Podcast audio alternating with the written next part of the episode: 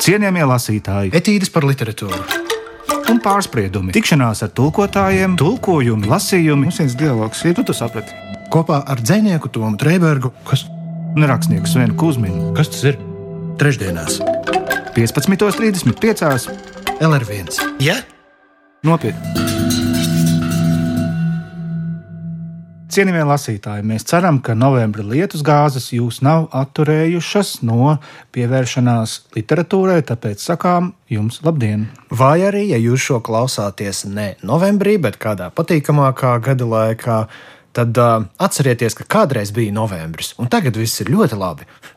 Tieši tā, iepriekš mēs aplūkojām ar manu dārgo kolēģi Svenu Kusminu, Česlavu Milošu autobiogrāfisko publicistikas darbu Dzimtā Eiropa, un mēģinājām atrast kaut kādu līdzinieku no latviešu, no latviešu līdzinieka, teiksim tā. Līdzinieku no latviešu līdzinieka. Līdzinieku no latviešu literatūras devuma. Jā, tā. un uh, uzdevums nebija no vienkāršajiem, jo Česlava Miloša stilu un vispār viņa vēstījumu ir patiesībā diezgan grūti ievietot izprozas vai neizprozas žanrā, vai atrast to robežu, kur beidzas vēsturiska vai sociopolitiska esēja un kur sākas personisks stāsts.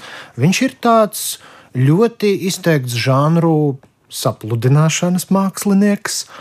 Un ā, jāteic, ka latviešu literatūrā šādu piemēru nav sevišķi daudz. Bet tas, ko mēs atradām, Bet mēs atradām kaut ko, nu, vismaz cik necik eh, piemērojamu iepriekš uzdotajam tonim, proti, eh, vēsturnieka, rakstnieka, publicista Ulda Ģērmaņa pārspriedumu krājumu jaunie laiki un pagātnes ēnas, fakti un vērtējumi 1991 līdz 1995.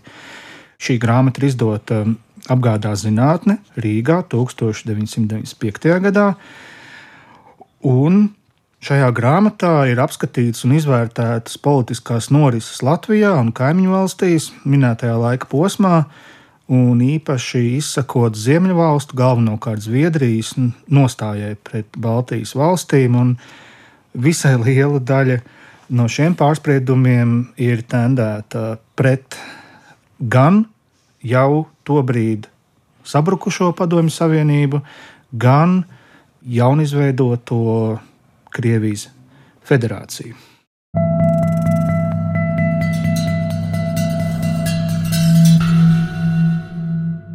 Jā, nu, lielākoties, protams, runa šajās esejās, šajos pārspriedumos ir par šo te, nu, pat vēl salīdzinoši nesen aizgājušās padomju savienības mantojumu un ko ar to īsti darīt. Kā aizslaucīt projām tās padomju sistēmas pēdas un kā iedibināt kaut kādu jaunu kārtību. Jo nu, 91. līdz 95. gads tas ir pieci gadi vēsturiskā griezumā, tas ir ļoti, ļoti īss laiks. Un šajos piecos gados, nu, būtībā, kur sabrūk viena sistēma un jauna vēl nav uzcelta, tur ir kas? Tur ir haoss, vai ne? Nu, vai vismaz diezgan liela neskaidrība. ja tas ir labāk. Sākot no lielas neskaidrības, beidzot ar haosu. Nu, lūk, un uh, kaut kur šajā gradācijā tātad ģermaņkungs mēģina atrast kaut kādu kārtību, kaut kādu veidu, kā sadzīvot ar tiem spokiem, kas nu, patiesībā daļa no tiem šajā teritorijā spokojas vēl joprojām. Un pirms mēs tā iedziļināmies jau pašā tekstā, tāds pārskats par Ulu ģērmaņa dzīvi. Viņš ir dzimis 1915. gadā, aktiera Jāņa ģērmaņa ģimenē. Viņa māte bija dziedātāja Augusta ģērmane, un Augustas māsa bija neviena cita kā viena leģendārā Milda Brehmana Stengela. Uh -huh. Un otra māsa bija Nacionālā teātris aktrise Alīs Brehmane. Ulrichs Ģērmans studiju laikā bija aktīvs sportists, vairāk kārtējs Latvijas meistars volejbolā. Un 45. gadā maijā notiek Ulda ģērmaņa un arī ģimenes tātad, emigrācija uz Zviedriju. Un jāsaka, ka pirmie trījus gadi viņam nebija nemaz tik viegli. Viņš strādāja par mežstrādnieku Vermlandē, un uh, tad jau tādā smalkākā nedaudz nodarbēja par viesmīli Stokholmā. 1953. gadā ģērmanis iegūst filozofijas maģistra grādu, pēc tam jau seko filozofijas licenciāta grāds vēsturē, un jau 74. gadā vēstures zinātņu doktora gods, un uh, Ulrichs Ģērmans aizstāv disertāciju ar tēmu Pulkvedis Jukums Vācietis un Latviešu strēlnieki Pirmajā pasaules karā un Oktobra revolūcijā. Pēc tam seko darbs Stokholmas Universitātē, Geogrāfijas institūtā. Mm, Ģērmans ir strādājis arī par vēstures un geogrāfijas skolotāju Sigtunas gimnājā. Viņa nākamais nozīmīgais biogrāfijas posms ir uh, darbs par konsultantu un lektoru Zviedrijas aizsardzības resorā, proti Zviedrijas militārajā akadēmijā, kur viņš ar savām zināšanām un erudīciju deva ievērojumu ieguldījumu Zviedrijas valsts labā. Tad arī seko vieslektora pienākumu Rietummičigānas Universitātē ASV un iesākas arī šī publicistikas darbība, kuras devumu mēs varam redzēt šodien apskatāmajā grāmatā, Jaunie laiki un pagātnes ēnas. Un interesanti, ka viņam arī uh, bija pseidonīms Ulofs Jāņsons. Acīm redzot, tad, kad viņš vēl nebija pārliecināts par savu spriedumu, spēcīgumu un piparotību, tad viņš izvēlējās teiksim, šo, te, šo te pseidonīmu pielietot. Klau, Tom, tu zini, ka es esmu liberāli domājošs cilvēks. Tā tu esi sevi pierādījis gadu gadiem. Vai ne? Un tādā sarunas žanrā, kāda ir nu, mūsu šī brīža aktuālās vēstures, ar aktuālo vēsturi domājot pēdējos 30 gadus, šādā žanrā Mēs laikam esam mēģinājuši nonākt pie kaut kādiem kopsaucējiem un atrisināt kaut kādas sarunas, kas līdz šim nav bijušas atrisinātas. Ja? Un šo grāmatu es laikam varētu nosaukt par tādu varbūt pirmo nopietno sākuma punktu šo sarunu tātad, uzstādīšanai, meklēšanai. Būtībā šis ir pats pats sākuma posms. Mēs uzdodam jautājumus un tālāk mēģinam rast uz šiem jautājumiem atbildes. Un, uh, no tāda viedokļa es saprotu, ka ģermaņa uzsaukumi latviešu tautai, kas nu pat ir atguvusi savu brīvību, ka tas viss ir ļoti, mm, tas ir vietā, tas ir tā laikmeta produkts, tam tur ir jābūt. Bet Šajos 30 gados mēs esam mēģinājuši izkopt arī kaut ko vairāk. Mēs esam arī mēģinājuši izkopt kaut kādu sarunas kultūru. Un šajā sarunas kultūrā ir tāda viena stilistiska lieta, kas man šausmīgi kaitina. Un tie ir mēģinājumi pastiprināt savus argumentus ar mēdīšanos. Mm. Mm -hmm. Tu saproti, par ko ir runa. Ja, jā, ja tev jā. nepatīk liberāļi, tu vari diskutēt ar liberāļiem, un tas pat ir vēlams. Bet saukt liberāļus par liberālistiem, lai tādā veidā pastiprinātu savu viedokli vai tā svaru. Tas laikam, varbūt, ja kādreiz mēs varējām to uzskatīt par pieņemamu retorisku paņēmienu, tad um, man ir aizdoms, ka tagad, 21. gadsimtā, varbūt šāda metodoloģija ir nedaudz novecojusi, teiksim tā. Jā, nu tas tā maigi teikt. Jā, un uh, es šajā grāmatā nevarēju neredzēt šo paņēmienu tik ļoti biezā slānī. Un, um, man nekas cits neatliek, kā šo krupi norīt un vienkārši uztvert to kā savu laikmeta produktu, un varbūt saprast ģermaņa kunga ne tikai intelektuālo, bet arī emocionālo uzstādījumu. Un arī es mēģināju mazliet atsvešināties no savukārt nu, no sava emocionālā vērtējuma. Ja? Un uh, tad es sāku skatīties ģermaņa kunga uzstāšanās publiski, televīzijā un intervijās. Un es biju tik ļoti pārsteigts, cik pilnīgi pretējs ir viņa runas veids, kameras priekšā. Viņš izturas kā džentlmenis, viņš runā maigi un nosvērti, un viņš faktiski stāda priekšā tos pašus argumentus, ko šajā grāmatā, bet viņš to dara tā ļoti nu, kultūrāli, tā kā kultūrālā sarunā tam būtu jānotiek. Un tas man izsita no sliedēm vēl jo vairāk. Es pēkšņi vispār nesaprotu, a, kas notiek, a, kāpēc. Nu, nu, acīm redzot, jūtu uzplūdā ne to vien pateiksi, vai ne? Ko gan nepateiksi strīda karstumā. Jā. Nu, es ceru, ka mans šāds vērtējums nav nevietā. Nē, es domāju, ka viņš ir ļoti objektīvs un um, Es arī nolasīšu fragment, un tad, manuprāt, arī cienījamiem lasītājiem un klausītājiem jau iezīmēsies nu, tava, tavas nostājas mm, aprises daudz precīzāk. Šis konkrētais fragments būs no laikraksta Laiks 1993. gada 31. jūlija numura ar nosaukumu Vecas blēdības nekļūst nemodernas jeb piebildes par Maskavas antibaltisko propagandu. Un iesākas šis pārspriedums ar tādu epigrāfu: Baltiešiem nekas nav svēts. Viņi palīdzēja sagraut veco Lielkrieviju un pēc tam izšķaidīt sociālisma tēviju. Bet ar to viņiem nepietiek. Tagad viņi grasās iegrūst postā Eiropu un daļu no Āzijas. Viņu ļaunprātībai nav robežu. Iekavās paskaidrojums. Krievzemes brīdinājums.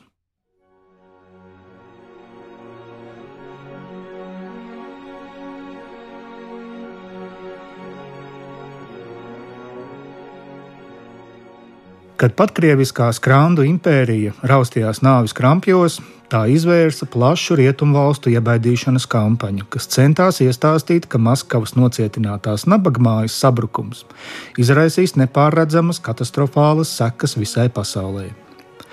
Tāpēc ārzemju kapitālisti un politiskie vadoņi nedrīkstot pieļaut pēdiņās vienotās, savienotās pēdiņas ciet socisma tēvijas iziršanu. Pats tētiņš, Mīša Sergejičs, izkliedza savu brīdinājumu ārzemju tramīgajiem buržujiem, runādams augstākajā padomē 1989. gada 21. septembrī. Citāts. Varbūt mēs sadalīsimies 15 valstīs, kas apbruņotas ar kodolieročiem. Kas tad notiks ar mūsu kopējām mājām? Citāta beigas. Viņa minprēzis Nikolais Riškaus aptuveni tajā pašā laikā, proti, 11. septembrī, intervijā Austrijas televīzijā šausminājās: citāts, Mūsu valsts iziršanai būtu briesmīgas sekas. Pavisam cita lieta, ja darīšana ar vienu valsti, kas pārstāv visus, nekā pēkšņi sastapties ar veselu virkni republiku, kurām visām, lai Dievs nogriež, varbūt būs savas armijas un pat kodolieroči. Tas būtu pilnīgs absurds. Citāta beigas.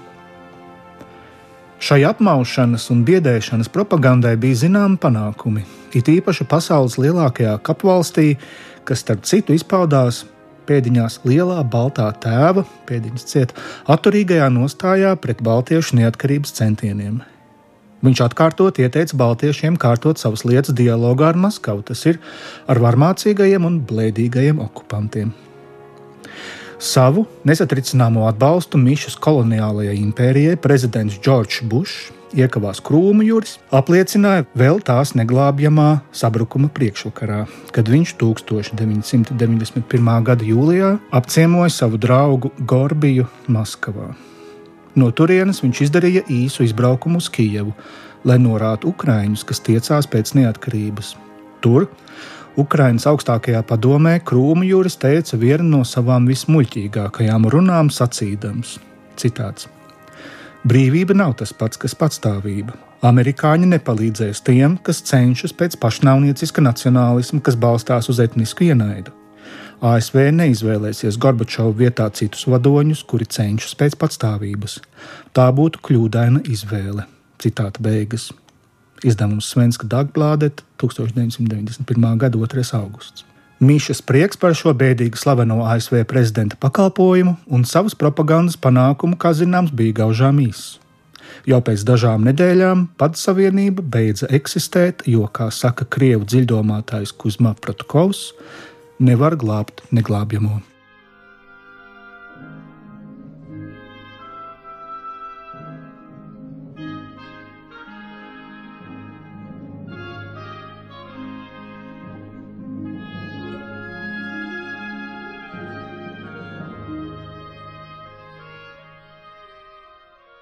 Cienījamie lasītāji, Cienījamie ja lasītāji, jūs šobrīd mm, esat pieslēgušies Latvijas Rādio viens eh, frekvencei vai arī digitālajiem viļņiem, tad neesat eh, pārsteigti. Mēs negatavojam jaunu apvērsumu, mēs vienkārši lasām Ulu ģērmaņa pārspriedumus par um, politiskajām norisēm 1991.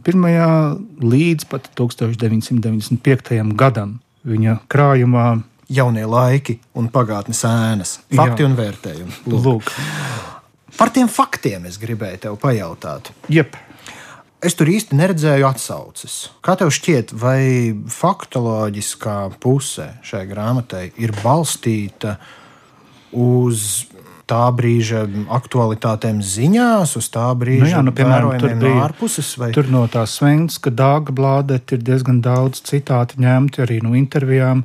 Tad tur ir vēl arī no uh, Igaunijas un Lietuvas preses izdevumiem citāti. Mm, mm -hmm. Bet, nu, manuprāt, ka tās atsauces, uh, ņemot vērā, ka tie ir publicistikas darbi, viņš laikam viņas tā neizmantoja. Nu, zinot, ka tas būs avīzē drukāts, nu, tad varbūt nezinu, ne, tā pieeja nebija tāda. Bet, arī tāda laikmeta zīme, ka tikai kaut kādā noteiktā brīdī, man liekas, parādījās arī periodikā atsauču lietošana. Mm, nu, tā, tā kā zinātniskos darbos. Nu jā, nu jā. Jā, nu, man liekas, ka teiksim, tas, ko tu minēji no sākuma par to intonāciju, tas man nedaudz atgādina arī savus pirmos centienus publicistikā, kad es Taurubas vidusskolā uh, vadīju skolas avīzi. Oho, šādu tavas dzīves faktu es biju aizmirsis. Jā, pareizi. Jā. Un tad es eh, nu, reizēm tur mm, bērniņos, lauku mājās atrodot dažus no tiem piemēriem. Man liekas, ka es arī biju tāds mazs sūdzes ģērmenis, kurš, kuram vajadzēja nu, kaut kā, kaut kā, kaut kā, kā teikt, um, Aivars Nēbards, jeb ņurbulis, papaust to savu Papaukt. vai Jā. papaukt. Jā. Nu, tādu nu, sabērt tos piparus, jo citādi liekas, ka nu, kāda tad jēga vispār kaut ko teikt, ja, ja tevis teiktajam nav tā, nu, tāpat kā datora formatējumā, bold.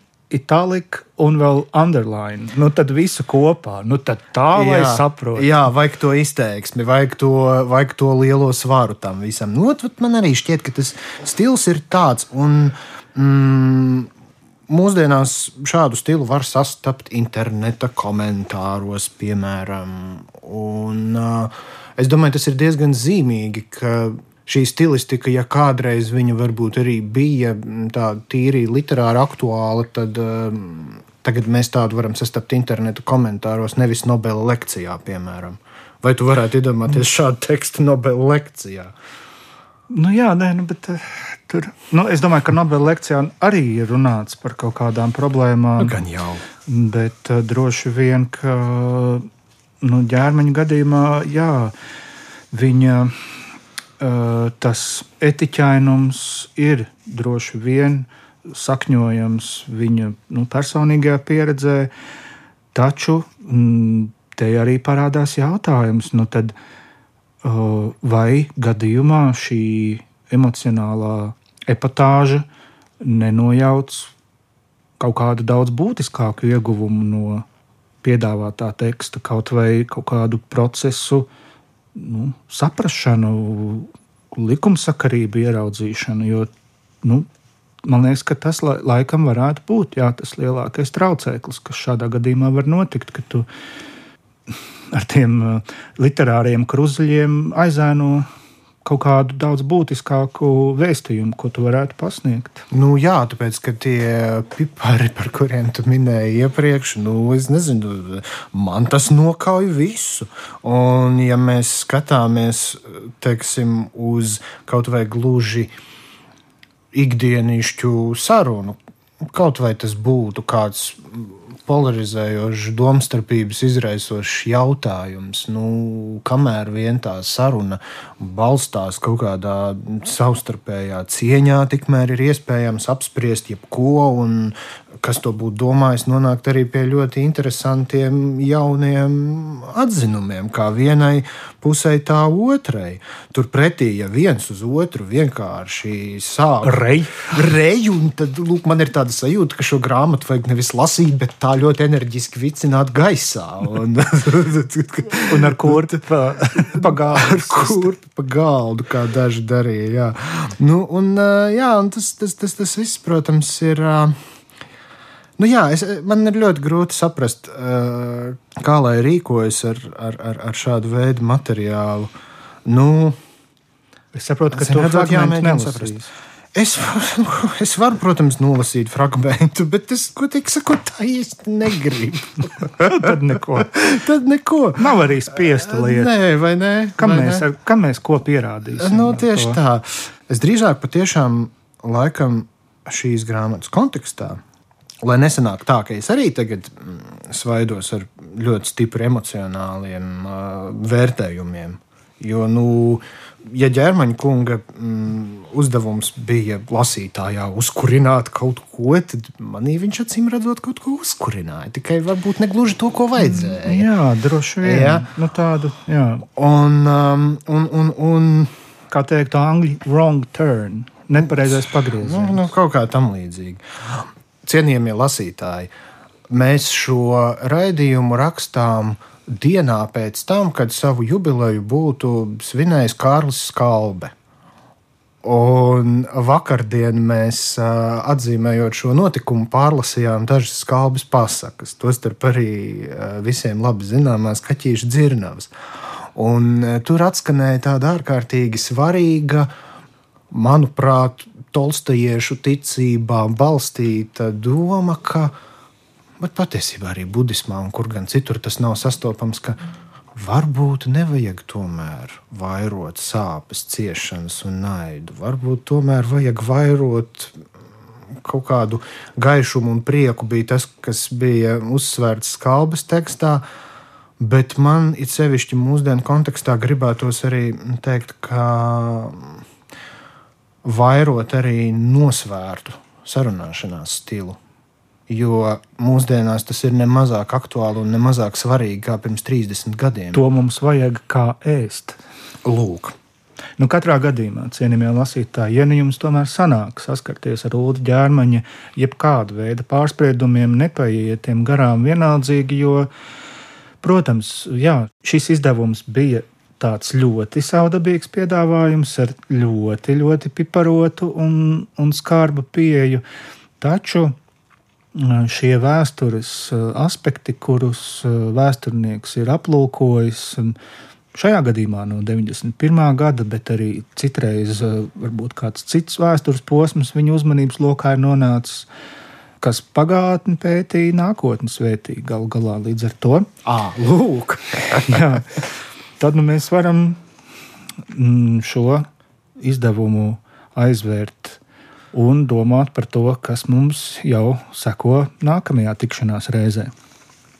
lūk, kas bijis, bijis, dodamies tālāk, vai ne? Jā, nu redziet, tad lai jums jauka atlikusī diena un vakara junda, un tiekamies nākamajā trešdienā. Cienījamie lasītāji, vairojiet prieku. Cienījamie lasītāji! Etīdes par literatūru. Un pārspriedumi. Tikšanās ar tulkotājiem, tulkojumi, lasījumi. Mums viens dialogs ir, tu to saprati. Kopā ar dzinieku Tomu Trēbergu, kas, Un rakstnieku Svenu Kusminu. kas tas ir? Trešdienās, 15.35. LR1. Ja? Nopietni!